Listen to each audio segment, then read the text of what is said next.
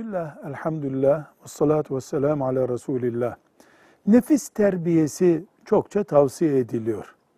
Özetle nefis terbiyesi nasıl yapılabilir? Nefis terbiyesi için nelere dikkat edilmesi gerekiyor? En önemli iki şey, nefis terbiyesi güçlü bir iman ister. Allah'a tevekkülün yerinde olduğu bir iman. İkincisi de haramlardan uzak, farzlarla iç içe bir hayat yaşamak lazım. Her tattığında haramdan bir şey nefis azacak demektir.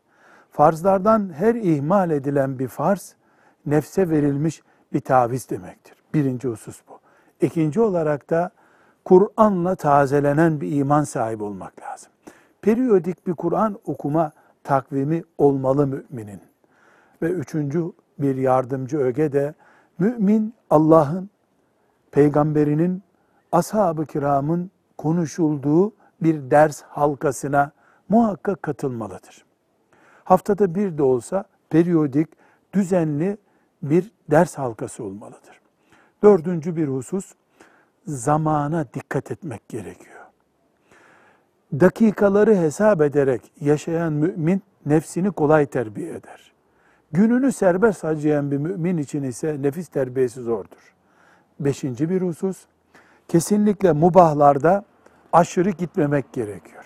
Aşırı gitmek, nefsin dizginlerini boşa bırakmak demektir. Mubahlarda aşırı gidilmeyecek. Mubahlar helal şeylerdir. Ama mesela ekmek helal olduğu halde aşırı yendiğinde sağlığa zarar veriyor. Her mubah böyledir. Uyumak bir, bir mubahtır. Aşırı yapılmamalı. Nefis azmasın diye. Arkadaşlık, muhabbet, mubah şeyler bunlar. Aşırıya kaçıldığında ise zarar verir. Ve bir makul uzlet yaşamak lazım. Makul uzlet şu demek. Uzlet insanlardan uzaklaşma, toplumun içinde eriyip gitmemek demek. Ama sıfır bir insan karışımı içinde olmak. Yani hiç insan yok, tek yaşıyor.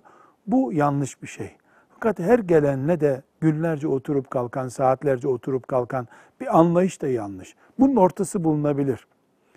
İnsan ağzı bozuk, cebi karışık, ayağı yönü açısı yanlış insanlardan uzak durarak makul bir uzlet oluşturabilir. Böylece iyi çevresi olmuş olur insanın.